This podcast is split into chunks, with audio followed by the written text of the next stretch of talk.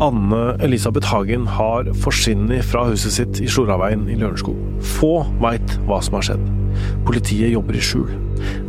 Det må holdes utafor offentlighetens lys at hun er borte, i frykt for hva som vil kunne skje med henne hvis det kommer ut. 34 dager seinere, 4.12.2018, kommer en mann inn på politistasjonen i Lillestrøm. Han er i 30-åra, fra Østlandet, og setter seg i avhørsstolen. Han får ikke vite mye når han sitter der i avhør. Kun at Tom Hagens kone er savna fra hjemmet sitt. Uoppfordra begynner han plutselig å snakke om kidnapping og kryptovalutaen Monero. Dette er Krimpodden. Jeg heter Tor Erling Tømtrud. Ingen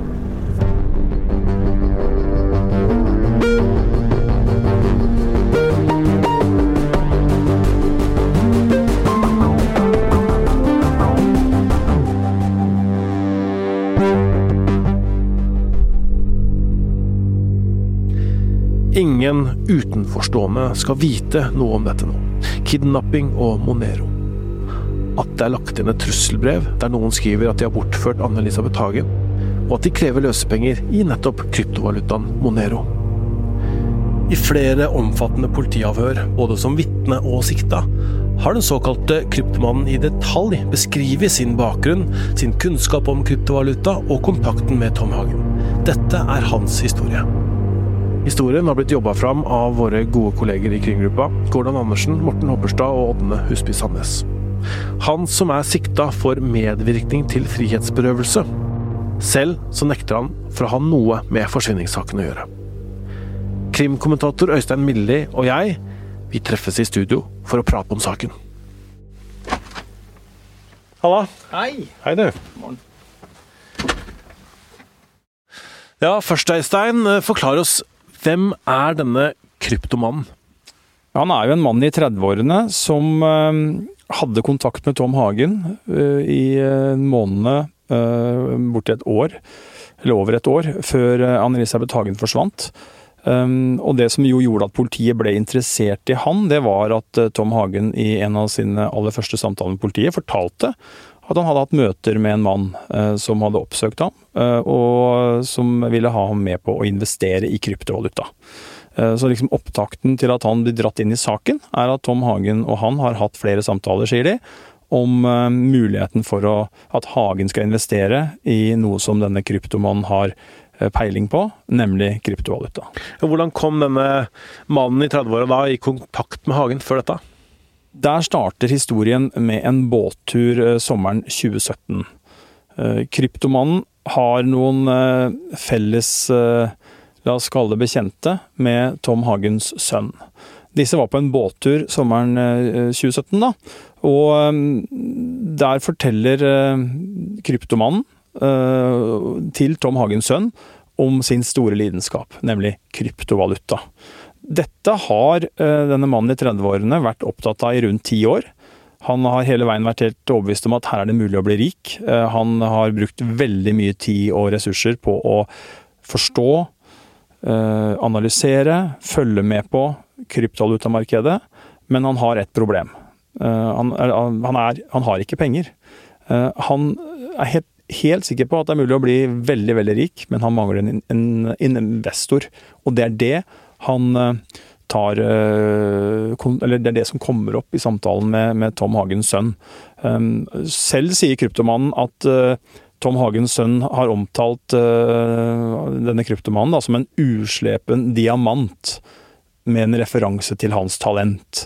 Um, så han er Hva skal vi si? Han har en stor, stor sjøltillit med tanke på å være dyktig på krypto, kryptovaluta. Han er ikke sånn som eh, vi leser ham, så er det ikke et spørsmål eh, på den tida her, så er det ikke noe spørsmål om han kunne bli rik. Det er bare et spørsmål om at han kan bli det, men han må ha en investor med seg. Ja, for han var ikke rik? Han var ikke rik. Dette er en eh, mann som har hatt en ungdomstid uten mye penger, og det har jo avskåret ham fra å satse sånn som han mente han kunne. Han har hatt en ganske begrensa økonomi. Det er vært eh, Bare én gang i perioden 2007 til 2019 så han, er han registrert med over 200 000 kroner i årsinntekt. Han har hatt noen jobber som butikkmedarbeider, logistikk har han jobbet innen, telesalg. Så det har han livnært seg på, men ved siden av så har han hele tiden hatt denne store drømmen da, om å bli krypto, i hvert fall millionær. Um, og han har faktisk også tjent mye penger på det uh, en periode. Han begynte med 15 000 kroner i 2017 um, ved et tilfelle. Og en uke senere så, de, uh, så, så var den summen verdt, eller de innskuddet hans var verdt 100 000 kroner. Mm. Så han hadde en bratt kurve på det. Og han fortsatte å trade disse pengene, som det heter, da. Og kom helt opp til en halv million kroner. Og da tenkte han at ok, nå skal jeg kunne tjene så mye at jeg får råd til både bil og egen leilighet. Um, så Det hadde han en drøm om, uh, og samtidig så mente han at det var riktig å bruke egne penger. Teste dette her med å trade, forsøke å ja, få et overskudd på det han drev med, før han skulle begynne å uh, bruke investorers penger. Så det var også et, en del av tanken hans. da. Men han sier jo sjøl at han har hatt mye uflaks i livet, og også her slo denne uflaksen inn. Eh, for han ble anbefalt, sier han, å eh, endre strategi. Og det var en kompis, tror jeg, som, eh, som, ga han det rådet, og det viste seg å være en tabbe. Mm. For det gikk ikke lang tid, så var den halve millionen uh, blitt til uh, mye mindre. Så, ja, så, han klarte å trade seg opp til en halv million, og så gikk det nedover? Ja, så han gikk jo fra 15 000 til 500 eh, 000, men så vet jo alle som har holdt på med om ikke bitcoin og, og kryptovaluta, så vet vi at uh, bare i aksjemarkedet så kan jo ting svinge, ikke sant. Og det fikk han jo da kjenne på, da, at det var forbundet med risiko. Så er han på denne båtturen da, og, og møter sønnen til Tom Hagen. Veit han da at Hagen er milliardær, eller får han vite hvordan er det?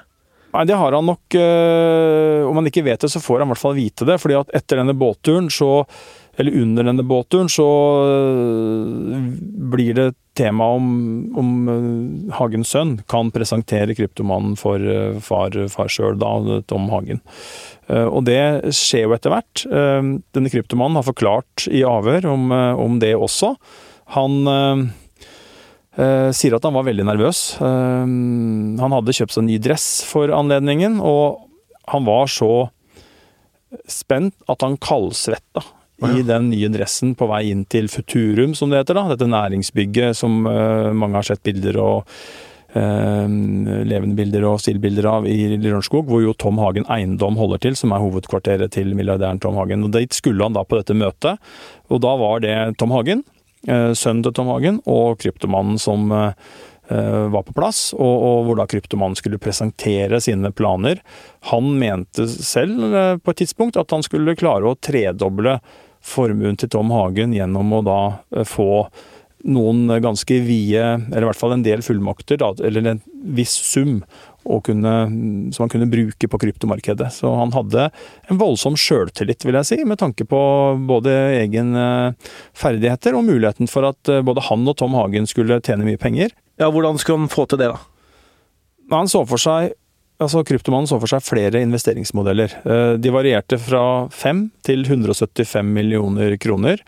Um, han så for seg en eh, mulig fordeling at eh, det kunne være 70-30. Eh, Hagen 70 og han 30, på det som ble av fortjeneste. Overskudd, ja. Mm. Mm. Så, så, han hadde mange tanker, da. Det som vel viste seg, sånn som kryptomannen oppfatter det, og som for så vidt også er et faktum, er at det ble jo ikke noe handel av det. De hadde mange møter. Kryptomannen han har anslått dette i avhør til å være rundt 15. Tom Hagen mener det bare var 6-7 møter. Uh, og det som nok oppfatter det som, er at kryptomannen blir litt frustrert. Fordi at han føler at han legger frem og legger frem og legger frem, men at Hagen er ganske vanskelig å flytte på. Det blir ikke noe fremdrift. og jo flere møter man gjennomfører uten at det blir noe mer eh, resultat av det, jo mer eller tviler nok kryptomannen på at dette kommer til å bli noe av. og Etter hvert så så innser han at dette her det er håpløst. Og han sier jo da at de hadde det siste møtet eh, i august 2018. 17.-18. august, tror jeg det var. Så det er jo da et par-tre måneder før Anne-Elisabeth Hagen forsvinner. Mm. Var det da bare at han skulle investere Tom Hagens penger, eller var det andre planer? Nei, det var eh, først og fremst å investere i bitcoin. Men denne kryptomannen han drømte også om å opprette en, eh, en såkalt miningfabrikk. Altså noen, en fabrikk som utvinner kryptovaluta. Uh, og dette er det kanskje mange som ikke er så veldig godt innsatt i. men det krever da veldig mye strøm. Altså, Kostnaden ved å lage kryptovaluta er stor, fordi at du du trenger veldig mye datakraft, store servere, og det betyr at du trenger mye strøm. Og Kryptomannens filosofi var at uh, dette kunne skje i Egypt. For der er det så mye sol, uh, gratis energi, og at man da kunne nyttiggjøre seg dette uh, og sånn sett få ned produksjonskostnaden. Men denne miningfabrikken ble det jo heller ikke noe av. Nei. Um, nei. Hva har Tom Hagen sagt da, om eh, denne kryptomannen? Allerede i en samtale med politiet 2.11. i 2018, da er det jo gått bare tre dager etter at eh, Eller fra Anne-Elisabeth Hagen forsvant, så snakker Tom Hagen eh, om kryptomannen. Han husker heller ikke nå navnet, men han bruker et fornavn som er veldig likt det ordentlige, ekte navnet til kryptomannen. Og så er politiet skrevet en rapport hvor, de, hvor det er nedtegna hvordan Hagen beskrev denne mannen. Og han sier da at han ser ut som en mormoner, og at han er utdanna, og at kryptomannen ville vie livet sitt til bitcoins. Han trodde det var fremtida. Mormoner, hva, hva, er det?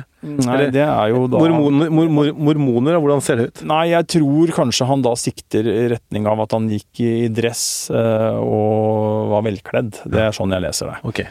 Så sier Hagen at de hadde seks-sju møter i løpet av 18 måneder. Um, Hagen uh, tok seg tid til å høre, syntes det var hyggelig, og han lærte mye av det. Han opplevde nok at krypto, kryptomannen var litt hemmelighetsfull uh, på hva dette skulle handle om.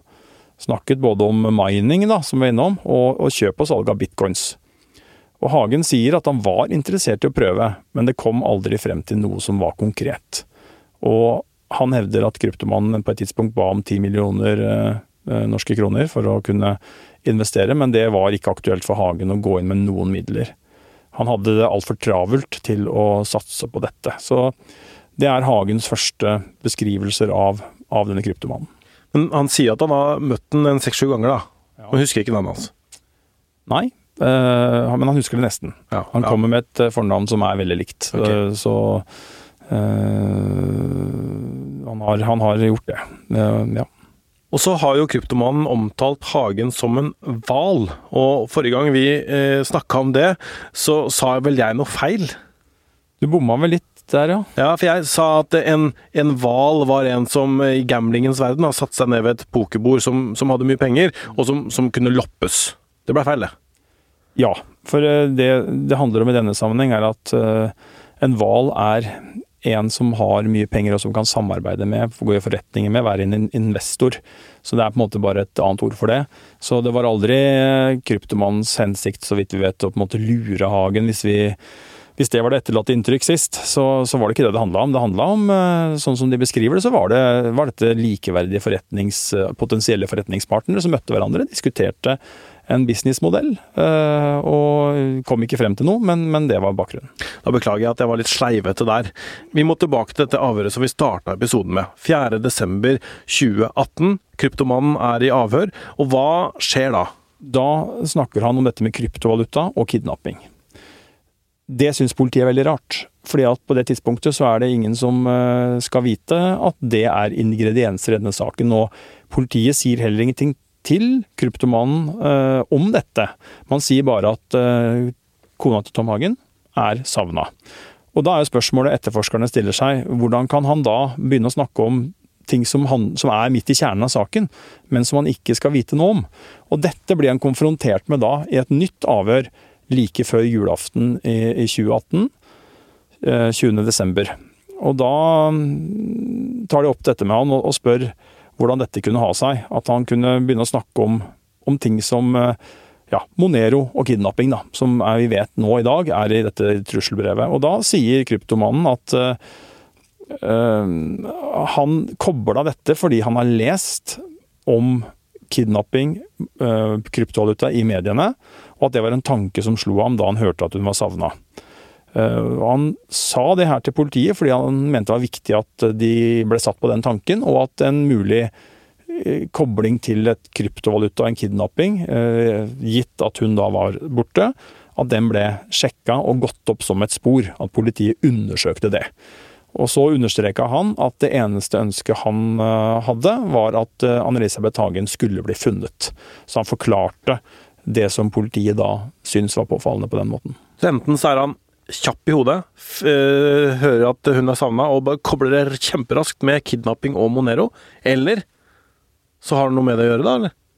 Ja, Det er i hvert fall to muligheter. Og så vet vi at politiet fortsatt har en siktelse mot ham. Eh, den var jo først drap eller medvirkning til drap, men ble justert ned i løpet av den helga hvor han satt i, eh, i, fengsel, eh, var pågrepet. Og den han fortsatt da har hengende over seg i dag, er jo en siktelse for bortføring eller medvirkning til bortføring.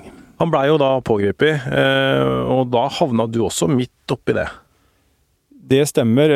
Det vil si, jeg havna ikke midt oppi pågripelsen, for den skjedde ikke der. Men jeg havna oppi et havna på et sted hvor eh, politiet øh, drev ransakinga, og et sted hvor han hadde en tilknytning. Så mm, det var jo øh, sånn at Tom Hagen hadde jo da blitt løslatt av lagmannsretten, som jo var et sjokk for politiet. og vi hadde en hypotese om at, politi, at, det kunne gjøre at politiet måtte foreta seg noe. Og vi visste at politiet hadde Eh, noen flere på lista si over ting eller personer som kunne være interessante. Eh, blant annet antok vi at eh, denne mannen som vi her snakker om, da, kryptomannen, kunne stå på en sånn liste. Og da ble det sjekka opp, da, om det var noen aktivitet på dette stedet som jeg var. Og det oppdaga jeg ganske fort at, at det var det. Der så jeg både sivile politibiler og sivile politifolk. Så da, da, skjønte jeg jo at politiet hadde gjort det som vi kanskje så for oss, at de var nødt til å sikre seg at han ble pågrepet og avhørt før Tom Hagen kom ut igjen. Eh, så kan det godt hende politiet ikke hadde noe tanke og ønske egentlig om å pågripe kryptomannen på det tidspunktet der. Det tyder jo ikke på, for da hadde man kanskje gjort det tidligere, samtidig med Tom Hagen. Det er jo det også skjer jo ofte, at politiet pågriper flere personer i en sånn såkalt samordna aksjon. Men all den tida at det hadde gått så mange dager, det hadde gått en 10-11 dager siden Hagen ble pågrepet, så er jo hypotesen vår at eh, politiet kanskje havna i en skvis. da. At man var, hadde egentlig ikke noe ønske om å pågripe kryptomanen akkurat der og da. Uh, av hensyn til etterforskningen, men at man uh, så seg nødt til det fordi at man måtte sikre at Hagen og kryptomanen, da, som politiet fortsatt mener har roller i denne saken, ikke kunne snakke sammen uh, før kryptomanen var grundig avhørt av politiet. Og Da satt han fra torsdag kveld til, til, lørdag ettermiddag, hvor han ble avhørt ganske intenst. Uh, og så ble han løslatt. Tror du han har prata med Tom Hagen nå, eller? Jeg tror ikke det. De sier vel at ikke det har skjedd. Uh, så det, men det vet vi jo ikke. Mannen i 30-årene er fremdeles sikta for bortføring eller medvirkning til bortføring i forbindelse med Anne-Elisabeth Hagens forsvinning. Han er ikke avhørt av politiet siden i fjor sommer. Tom Hagen er fremdeles sikta for drap eller medvirkning til drap på sin kone. Begge nekter straffskyld. Hagen satt elleve dager i varetekt, mens kryptomannen ble pågrepet en torsdag kveld og løslatt allerede lørdag samme uke. Og hva sier forsvareren til kryptomannen? Dag Svensson sier til VG Min klient er fortsatt siktet, og det er foreløpig ingen endring i hans status. Han er fortsatt klar på at han har ingen befatning med fru Hagens forsvinning. Min klient opplever det som svært vanskelig å fortsatt være en del av Lørenskog-saken. Min klient er fortsatt siktet for svært alvorlige straffbare handlinger. Det er åpenbart at det gjør tilværelsen vanskelig, særlig fordi saken nesten daglig blir omhandlet i media. Han prøver å leve et liv mest mulig normalt, men blir altså nesten daglig minnet på saken ved hyppige notiser og artikler i media. Min klient og jeg, som hans forsvarer, forventer at politi og påtalemyndighet prioriterer å fase ham ut av saken og henlegger siktelsene. Min klient har ikke hatt kontakt med Tom Hagen etter at han ble siktet. Så har vi i VG forelagt Svensson en rekke spørsmål basert på innholdet i eh, den artikkelen som vi har publisert. Svensson svarer. Når det gjelder de øvrige påstander som fremkommer, har vi ingen kommentarer til disse. Sakens dokumenter er fortsatt klausulert, og vi er derfor forhindret i å kommentere dette nærmere. Hva sier politiet om dette? Politiet kommenterer ikke de siktedes politiforklaringer underveis i en pågående etterforskning. I den grad opplysningene stammer fra straffesaksdokumenter, anses det uheldig at det refereres til dette både av hensyn til etterforskningen, de siktede og de pårørende, skriver politiinspektør Gjermund Hansen i en e-post til VG. På spørsmål om hva som er status på etterforskningen rettet mot kryptomannen, svarer Hansen at saken er under etterforskning. Han ønsker ikke å svare på mistankegrunnlaget mot ham er svekket eller styrket. Og ja, Svein Holden er jo advokaten til Tom Hagen. Hva sier han? Pga. min taushetsplikt er jeg avskåret fra å besvare spørsmålene som er stilt. Vi skal selvsagt følge denne saken videre. Produsent for Krimpodden er Vilde Våren. Jeg heter Tor Erling Tømterud. Øystein Millie var med. Gordon Andersen, Ådne Husby Sandnes og Morten Hopperstad i VGs krimgruppe har bidratt til journalistikken i denne episoden. Magne Antonsen er teknisk produsent, og Ronny Furuvik har laga musikken.